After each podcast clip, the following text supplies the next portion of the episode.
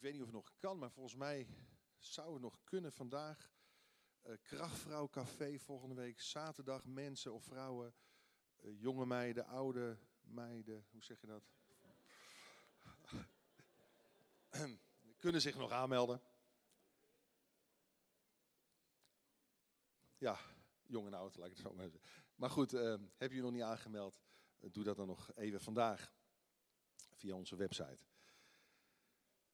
Ik hoop dat iedereen een handout heeft uh, ontvangen. Uh, we gaan uh, het vanmorgen hebben over afwijzing. Met als thema verwerp je afwijzing. En is best wel een ja, gevoelig onderwerp. Een onderwerp waar we allemaal wel mee te maken hebben gehad. Of te maken hebben of te maken zullen krijgen. De angst voor verwerping is een van de diepste angsten die mensen kennen, die mensen kunnen ervaren in hun leven. De diepste wortels liggen trouwens in de baarmoeder. Nog voordat we geboren zijn, worden we als het ware gemarineerd in de gevoelens van onze moeders of ouders. Gedragswetenschappen zeggen dat een kind al in de baarmoeder voelt of het welkom is of niet. Of het gewild is of niet. En baby's absorberen heel sterk gevoelens en stemmingen in hun onderbewustzijn. Al zitten ze in een embryofase, in ontwikkeling. Opmerkingen van ouders, we kunnen het ons niet veroorloven om dit kind te krijgen. Of ja, je kunt nu niet doorstuderen en een carrière beginnen als je dit kind krijgt. Of het komt nu niet uit. Of ze wilden een, een jongetje en het werd een meisje. Of andersom. Of de moeder is, is emotioneel niet beschikbaar. Of, of heeft gedacht aan een abortus. Maar hoe klein het kind ook is. Kinderen zijn zich heel snel al bewust van zulke gevoelens, stemmingen of gedachten. En het beschermt zichzelf door zich niet te willen hechten, ook op, op latere leeftijd niet, om zich niet te willen binden. En zo kunnen diepe wortels van verwerping of afwijzing ontstaan met een, een negatief zelfbeeld als gevolg. En dat kan ook resulteren in, in zelfhaat. De angst voor afwijzing, lees u mee, verandert je persoonlijkheid. Heeft invloed op wie je bent. Op hoe je je gedraagt. Er was bijvoorbeeld een zwangere vrouw die haar zwangerschap verstopte. Deze vrouw was zwaar orthodox opgevoed en, en wilde niet dat de dorpelingen erachter kwamen dat ze seks had gehad. Want seks was vies en onheilig. En zo was zij opgevoed. En hoewel ze getrouwd was, schaamde ze zich voor haar zwangerschap. En dat gevoel van schaamte bracht ze over op haar kind, op haar baby. En de dochter schaamde zich haar leven lang voor het feit dat ze bestond. Die schaamte werd dus geprojecteerd op een ander, op haar eigen kind. Ons onderbewustzijn kan heel makkelijk negatieve gevoelens opslaan in onze harde schijf. En afwijzing komt ook heel snel tevoorschijn op het beeldscherm van ons leven. Er hoeft soms maar even iets te gebeuren en, en dat gevoel van afwijzing komt naar boven. Een, een, het doet je herinneren aan misschien een autoritaire, dominante vader. Het doet je herinneren aan misschien een, een, een leraar die, die je heeft vernederd. Het doet je misschien herinneren aan, aan iemand die een, hele kwetsende uitspraak over jouw uiterlijk heeft gezegd. En, het, schiet zomaar tevoor, tevoorschijn op het beeldscherm van je leven. Dus ook als we opgroeien, of als, als we aan het werk zijn, kunnen opmerkingen ons stigmatiseren. Ik geloof dat de, de boze altijd probeert onze waarde voor God te ondermijnen. Door giftige leugens van afwijzing en verwerping in onze gedachten te planten. En, de wortel van verwerping uit zich in bijvoorbeeld de angst om verlaten te worden. De angst om, om niet gezien te worden, de angst om niet erkend te worden, de angst om niet bevestigd te worden, de angst om buitengesloten te worden, de angst om opnieuw vernederd te worden. En zo bouwen we muren om ons heen, om ons hart. En de impact kan enorm groot zijn. Want het weerhoudt je ervan om risico's te nemen in het leven. En zonder risico's te nemen in het leven, zonder uit te stappen, kunnen we ook niet groeien. En onszelf ontwikkelen. Het heeft impact op ons zelfvertrouwen. Het heeft invloed op onze identiteit. En het kan zijn dat je elke keer het gevoel hebt niet goed genoeg te zijn. Niet genoeg te doen. Voortdurend tekort te komen. Dus wat doet het met ons? Nou, het maakt onder andere dat we onze waarden kunnen gaan aanpassen. Want, want we willen meedoen, we willen erbij horen. Dus we gaan dingen doen die we misschien zelf niet willen. Het kan ons verhinderen, niet alleen dat we liefde geven, maar ook dat we liefde ontvangen in het leven. Ook in ons huwelijk. Het kan leiden tot eenzaamheid. En bovenal, het kan ertoe leiden dat we ons anders gaan voordoen dan we zijn. En dat is misschien wel het ergste. Omdat we allemaal gemaakt zijn naar Gods beeld, uniek gemaakt zijn naar Gods beeld. Lees mee. Het is beter geliefd te worden, of sorry, gehaat te worden om wie je bent, dan geliefd te worden om wat je niet bent. Nog een keer. Het is beter gehaat te worden om wie je bent, dan geliefd te worden om wat je niet bent. Je kunt beter jezelf zijn op je best, of mensen sommigen nou leuk vinden of niet, dan een slechte imitatie van een ander zijn. En vandaag gaan we kijken naar een persoon die dwars door de pijn en afwijzing in zijn leven een blik op Jezus wilde werpen. Want weet je wanneer mensen innerlijk van binnenuit gaan veranderen? Wanneer mensen zichzelf gaan zien zoals God ze ziet. We lezen Lucas 19, vers 1 het volgende verhaal. In het evangelie van Lucas. Daar staat, Jezus ging Jericho in en trok door de stad. En er was daar een man die Zacchaeus heette. Een rijke hoofdtollenaar. Hij stond aan het hoofd van een soort fiscale maffiabende.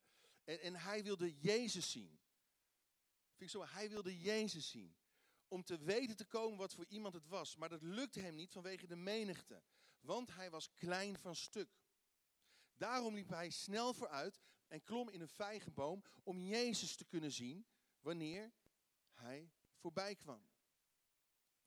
Nu dan, Zacchaeus, hoofdtollenaar. Dat wordt specifiek genoemd. Elk detail in het verhaal, elk detail in de Bijbel is belangrijk. Zacchaeus werd namelijk in meerdere opzichten afgewezen. Dat kon, kunnen we herleiden uit het feit wat hier staat. Allereerst, hij werd afgewezen om zijn uiterlijk. Vult hem in. Hij werd afgewezen om zijn uiterlijk. Hij was zo klein dat hij in een boom moest klimmen om Jezus te kunnen zien. En het Griekse woord voor klein houdt in dat hij eruit gezien moet hebben als een dwerg. Dus je zou hieruit kunnen concluderen dat hij vaak gepest moet zijn geweest. En dat hij in een psychisch en emotioneel isolement terecht is gekomen op dat moment. Hij werd niet alleen afgewezen om zijn uiterlijk, hij werd ook afgewezen waarschijnlijk om zijn reputatie. Om zijn reputatie. Hij was per definitie niet geliefd door zijn eigen volk. Door zijn eigen mensen, de Joden. Vanwege zijn beroep. Hij werd namelijk als een NSB'er gezien. Hij werkte samen met de Romeinen. Dat waren de bezetters in die tijd. En als iemand 1 euro moest betalen aan belasting, dan maakte de tollenaar er vijf van. Ja, vier voor zichzelf en één voor de Romeinen. En het is begrijpelijk dus ergens dat, dat zo iemand gehaat werd, gemeden werd, verworpen werd. Maar hij werd niet alleen maar afgewezen om zijn uiterlijk of zijn reputatie, hij werd ook afgewezen om zijn geestelijke onreinheid. Dat gaat nog verder. Voor een Jood was tollenaar worden niet alleen een verraad aan je land, maar ook een verraad aan je geloof. Dus hij was niet welkom in een synagoge of in een tempel. Hij raakte dus ook nog eens een keer in een religieus isolement. Zacchaeus. Hij moet zich eenzaam en verworpen hebben gevoeld. Ondanks al het geld dat hij had. Geluk is niet te koop. Maar op een dag veranderde alles in zijn leven. Hij leerde hoeveel waarde hij voor God had in de ogen van Jezus. En dit verhaal illustreert het proces van herstel dat kan plaatsvinden in iemands leven. Het herstel van een negatief zelfbeeld. Dus verwerp je afwijzing. Hoe? Allereerst, vult u in, accepteer dat God je ziet zitten als mensen je hebben afgeschreven. Accepteer dat God je ziet zitten als mensen je hebben afgeschreven. Accepteer, het is, dat is ook een werkwoord. Het vraagt om een keuze, een actie van onze kant. Want het is soms moeilijk om het te accepteren. Soms kunnen mensen het misschien niet accepteren. Toch kun je een begin, een begin maken om het te accepteren, om ervoor te kiezen. Ik accepteer dat u mij ziet zitten, als zien anderen mij niet zitten. Hoe klein, hoe onbruikbaar je ook denkt te zijn, Jezus, als hij aan ons voorbij gaat, hij ziet ons zitten. Hoewel Zacchaeus rijk was, deed hij ook iets heel ongewoons, ongebruikelijks. Hij rende op de menigte af en klom in een boom. Oké, dat kinderen dat doen, dat begrijpen we. Maar volwassen mensen niet. Maar het verlangen van Zacchaeus was zo groot. Zijn nieuwsgierigheid in Christus was opgewekt om iets van hem te zien. Een glimps van zijn goedheid en genade. Dat hij bereid was zichzelf belachelijk te maken. Maar wat nog ongewoner was, is wat Jezus deed. Jezus, hij loopt dwars door de menigte, langs honderden mensen en blijft plotseling stilstaan en kijkt abrupt omhoog. Hé, hey. Zacchaeus. We lezen het als volgt. In Lucas 19, vers 4. Daarom liep hij hard vooruit, klom in een wilde vijgenboom om hem toch te kunnen zien. En toen Jezus daar aankwam, keek hij omhoog. Hij riep Zacchaeus bij zijn naam. Zacchaeus, kom vlug uit die boom, want ik moet vandaag in uw huis zijn. Ik moet vandaag in uw huis zijn. Tussen al die mensen heeft Jezus oog voor Zacchaeus. Niemand had hem de moeite waard gevonden, maar Jezus stopt uitgerekend voor hem. Jezus, hij wist precies dat Zacchaeus daar was, op die plek, op die plaats. Ja, Zacchaeus, hij dacht Jezus op een afstand te kunnen blijven spotten. Hij had nooit durven dromen dat Jezus speciaal voor hem zou stoppen. Hoe zit het met jou? Misschien vind jij je niet waardevol genoeg dat de God van het universum, die alles geschapen heeft, voor jou oog heeft. Probeer je ook van een afstand iets van God te zien. Iets te ontdekken van Hem. Op een afstand blijven. Is ook een keuze. Weet je, God neemt geen genoegen met afstand. God heeft nooit zijn ogen van jou afgehouden. Er is geen moment in jouw leven waar God geen weet van heeft. Elke gedachte, elk woord, elke daad is bij God bekend. En hij kent je verdriet, hij kent je pijn, hij kent je schaamte en hij kent je afwijzing. Zelf werd Jezus ook verworpen en veracht. Zelfs de meest liefdevolle en volmaakte persoon uit de geschiedenis van de mensheid is afgewezen, verworpen en vermoord door en om onze zonde. Hij kwam in zijn eigen land, lezen we, maar zijn eigen volk heeft hem niet aanvaard. Zijn eigen volk heeft Jezus, de Zoon van God, niet aanvaard. Toch kwam hij om ons wel te aanvaarden. Weet je, als, als geen ander kan Jezus meevoelen. In de pijn, in de afwijzing, in jouw leven. We lezen in Jezaja 53, vers 3. Geminacht en gemeden werd hij door de mensen. Man van smarten, met ziekte vertrouwd. Een mens die zijn gezicht voor ons verbergt. Door ons geminacht. En als niet de moeite waard beschouwd. Jezus, hij kan om die reden te volle met jou meevoelen, met ons meevoelen. Weet je, we hebben allemaal de behoefte om opgemerkt te worden, om gezien te worden. En God heeft nooit geen aandacht getoond aan zijn schepping. Hoe slecht ik me ook voel, God heeft oog voor mijn leven. Jezus zei, ja, lieve mensen, wat kosten eigenlijk vijf mussen? Bijna niets. Toch wordt er niet één door God vergeten. Wees niet bang, wees niet bevreesd. Jullie zijn meer waard dan een hele zwerm mussen. God heeft nooit geen aandacht getoond aan zijn schepping. Accepteer dat Jezus jou ziet zitten. Ten tweede, besef de betrekkelijkheid van wat mensen over je zeggen of denken. Of over je gezegd hebben. besef de betrekkelijkheid daarvan.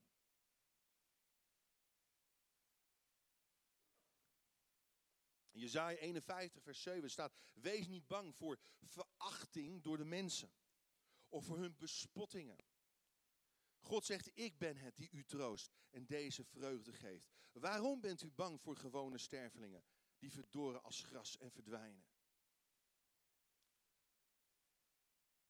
Besef dat, dat mensen je soms makkelijk kunnen laten vallen. Mensen kunnen je makkelijk in de steek laten. Maar God zegt, zo ben ik niet. De mensen waar jij zo bang voor bent, die zo bepalend zijn voor hoe jij je voelt misschien, die bestaan misschien over een aantal jaren niet meer. Dat zijn gewone stervelingen.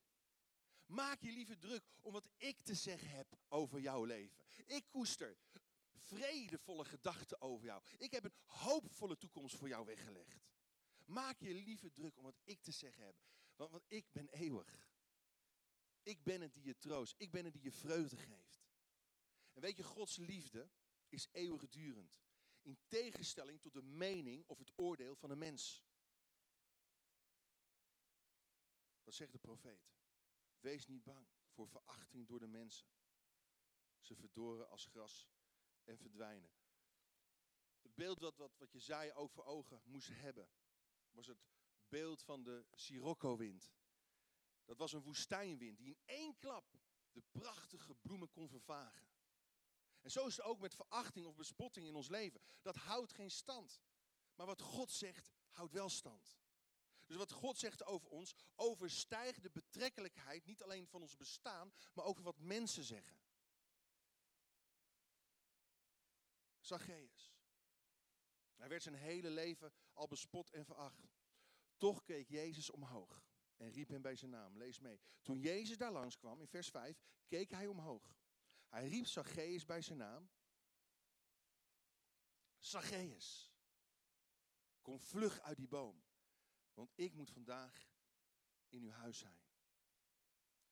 Het is zo mooi dat, dat Jezus niet, niet vroeg hoe hij heette. Hij wist het gewoon. En hij moet gedacht hebben. Je, hoe, hoe komt Jezus nu aan mijn naam? Weet je, God weet niet alleen waar je bent. God weet niet alleen waar je zit. Hij weet ook wie je bent. En het uitroepen van zijn naam was een bevestiging van zijn ware identiteit. Want Zacchaeus betekent reine of rechtvaardige. En we weten, Zacchaeus was verre van rein. Hij was verre van rechtvaardig. Toch zegt Jezus reine, rechtvaardige. Ondanks zijn reputatie bevestigt Jezus hem in zijn ware, diepere identiteit. Want Jezus ziet altijd dieper. Jezus kijkt altijd verder. Zo ook het kenmerk van Jezus leiderschap. Hij ziet verder. Hij ziet dwars soms door mensen heen. Hij ziet de kern van jouw ziel aan. Ondanks alle afwijzing ziet Jezus hoe God Zacchaeus bedoeld heeft. Rein. Rechtvaardig. Er staat in, in Psalm 139, vers 114, we lezen het vaak bij, bij een opdrachtdienst, maar daar staat, daar zegt David, ik loof u voor het ontzaglijke wonder van mijn bestaan. Kunstig geweven. Uw ogen hebben mij mijn ongevormd bestaan gezien. Zie je? Uw ogen hebben mijn ongevormd bestaan gezien. God heeft oog voor jou. Al op het moment dat je bestaat, ongevormd, in de vorm van een embryo. En weet je, je bent gemaakt om rein te zijn. Je bent gemaakt om rechtvaardig te zijn. Je, je bent geen foutje van de natuur. Je bent geen biologisch toeval. Maar je bent een kunstwerk van God. Kunstig geweven. In de schoot van mijn moeder, zegt David. Accepteer dat Jezus je ziet zitten. En besef de betrekkelijkheid van, van wat mensen zeggen. Of hebben gezegd. In het licht van wat God zegt. En dan ten derde, ontvang de redding en het leven dat Jezus je wilt geven. De redding. Het woordje redding heeft te maken met, met, met heelheid, heeft te maken met, met, met, met verlossing, heeft te maken met behoud, heeft te maken met vernieuwing, met nieuw leven, met genezing. Weet je, het is opvallend dat de naam van de boom wordt genoemd, waar Zacchaeus in klimt. Want, want een vijgenboom stond symbool voor, voor schuld en voor schaamte. Zoals Adam en Eva, en, en Julia heeft het ook, ook genoemd vorige keer. Zoals Adam en Eva zich met vijgenbladen verstopten om hun schuld, hun schaamte te bedekken. Zo verstopte Zacchaeus zich in feite ook achter die, die vijgenbladeren. Dat waren grote loven. Een vijgenboom was een kleine boom. Maar het grote bladeren. Maar Jezus, hij roept hem tevoorschijn. Hé hey Zacchaeus, kom eruit. Stap uit die onreinheid, want je bent gemaakt, geschapen om rein te zijn. Stop uit die onrechtvaardigheid, want je, gemaakt, je bent, geroepen om rechtvaardig te zijn. En welke, welke namen mensen ook aan je toegeschreven hebben. Luister naar hoe God je noemt. Verstop je niet langer in de pijn van afwijzing. Zacchaeus, kom vlug naar beneden. Oftewel, direct. Haast je, spoed je, stel niet uit, want vandaag moet ik in jouw huis verblijven. En we lezen het volgende, vanaf vers 6. Zacchaeus kwam meteen naar beneden en ontving Jezus vol vreugde bij zich thuis. Maar alle, ik vind het zo apart altijd, hè? allen die dit zagen, hè?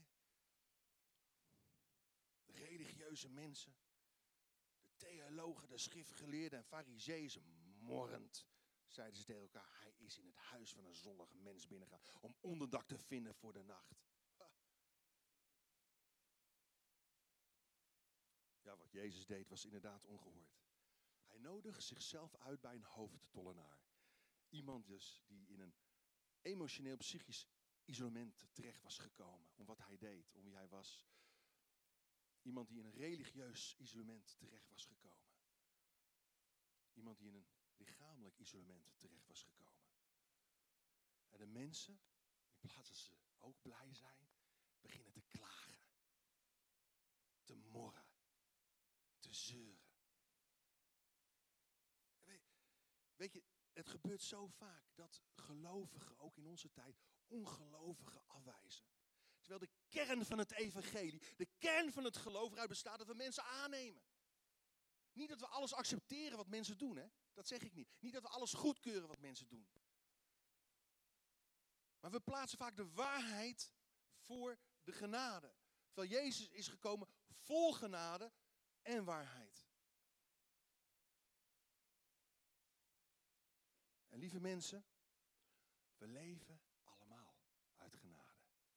wie zijn wij om anderen te veroordelen? We mogen natuurlijk wel dingen beoordelen. Maar wie zijn wij om mensen te veroordelen en, en te klagen over het reddend handelen en ingrijpen van de levende God? In onze gemeente, in onze samenleving, in onze stad. Hoe kunnen jullie in Neushoorn centrum van de popcultuur van Leeuwarden, een dienst, een kerkdienst gaan organiseren. Foei. Dat zou Jezus nooit doen. Oh nee. Hij nodigt zich uit in het hol van de leeuw. Bij Zacchaeus. In het huis van een hoofdtollenaar. Gehaat, gemeden, veracht door mensen. En Jezus. Hij is bereid om zijn, om zijn handen vies te maken. Hij is bereid om het onreine met zijn reinheid aan te raken. Om de schuldige met zijn onschuld te bereiken. Niemand verdient het. Ik al helemaal niet. Dat Jezus ons huis, ons leven, ons hart binnenstaat.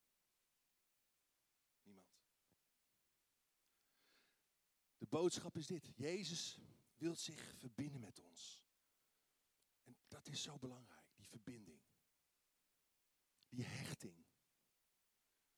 Dan kan een genezing plaatsvinden. Weet je, ondanks veel negatieve aspecten in het leven van zijn geest, kon Jezus toch de positieve dingen zien. En die positieve dingen in hem naar boven halen, tevoorschijn roepen. hey, hoe zit het met ons in de omgang met elkaar? Ook even terug naar de gemeentecontext. Halen we het beste in elkaar naar boven of het slechtste? Benadrukken we de, de, de pluspunten of alleen maar de minpunten? In Romeinen 15, vers 7 zegt Paulus het volgende. Lees hem mee. Daarom, daarom neemt elkaar aan zoals ook Christus u heeft aangenomen. Tot heerlijkheid van God. Tot heerlijkheid van God. Weet je, weet je wanneer Gods heerlijkheid over ons komt? Als we elkaar aanvaarden in plaats van afwijzen. Als we elkaar gaan vergeven in plaats van verwerpen. Dat leidt tot Gods heerlijkheid. Dat leidt tot een doorbraak van Gods kracht in ons leven, in onze gemeente. Verdeeldheid brengt altijd Gods heerlijkheid. Zet Gods heerlijkheid buitenspel. Maar eenheid haalt de zegen van God naar beneden. En we zien dat een ontmoeting met Jezus altijd uitloopt in een demonstratie van een veranderd leven. Lees hem in Lucas 19, vers 8. Maar Zacchaeus, ondanks het gemopper, ondanks het gemekker, ondanks de weerstand, was gaan staan en zei tegen de Heer: Kijk, Heer, de helft van mijn bezittingen geef ik aan de armen. En als ik iemand iets heb afgeperst, vergoed ik het viervoudig. En Jezus zei tegen hem: Vandaag is dit huis redding, zo zo, ten deel gevallen. Het Griekse woordje sozo, wat ik al zei. Redding, heling, genezing, behoud. Want ook hij is een zoon van Abraham. Ze hadden hem dus afgewezen als een zoon van Abraham. En ieder die gelooft in Jezus wordt een zoon, een dochter van Abraham. Want de mensenzoon is gekomen om te zoeken en te redden wat verloren was. We moeten niet passief zijn als het gaat om het zoeken en vinden en redden van mensen. We moeten actief zijn, proactief zijn, initiatief zijn, innoverend zijn. Weet je, lees mee, we zijn niet verantwoordelijk voor het feit dat we zijn of worden afgewezen, maar wel, wel voor onze reactie daarop. We zijn niet verantwoordelijk voor het feit dat we zijn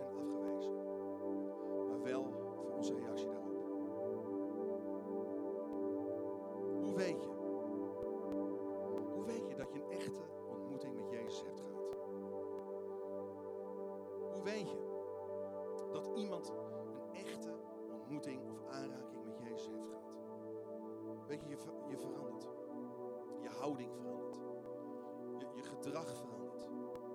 Van, van iemand die hoogmoedig is, verander je in iemand die nederig is. Van iemand die zich verstopt, in iemand, in, iemand die verbindt. En soms kunnen dingen die gezegd zijn tegen je als een echo in je ziel blijven galmen. Woorden als ik heb spijt. Dat ik je op aarde heb gezet. Of hij doet toch niets met jou. Ik ben een waardeloze. Weet je, deze uitspraken hebben je misschien vastgepind. Jij bent nu verantwoordelijk hoe je daarmee omgaat. Reken hiermee af. En ga staan in dat proces van genezing en herstel. Ga aannemen wat God over je zegt. Jezus, hij keek omhoog. En hij zag Zacchaeus zitten. Hij sprak hem aan op zijn reinheid. Hij sprak hem aan op zijn rechtvaardigheid. Op zijn bestemming. En Zacchaeus kwam tot leven. Laten we elkaar aanspreken op onze bestemming. Gods plan voor ons leven. Laten we elkaar bemoedigen, want dat is in feite profiteren. Dat is niet zweverig doen, dat is gewoon elkaar bemoedigen. Elkaar bevestigen in de gaven. De talenten die God ons heeft gegeven. Laten we elkaar opbouwen. Laten we elkaar opbeuren. Zullen onze hoofden buigen, onze ogen sluiten.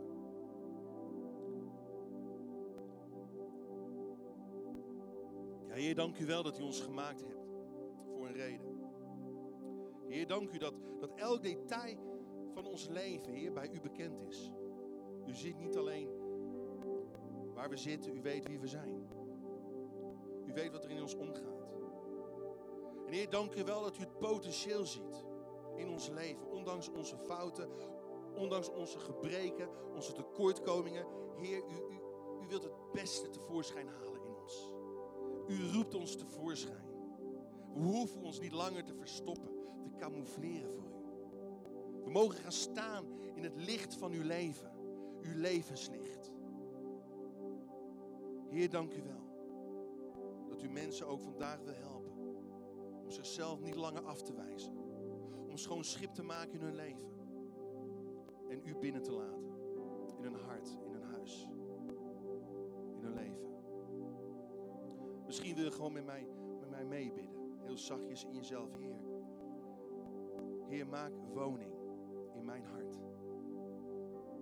Ik accepteer dat u mij ziet zitten. Ondanks het feit dat sommige mensen mij misschien hebben afgeschreven.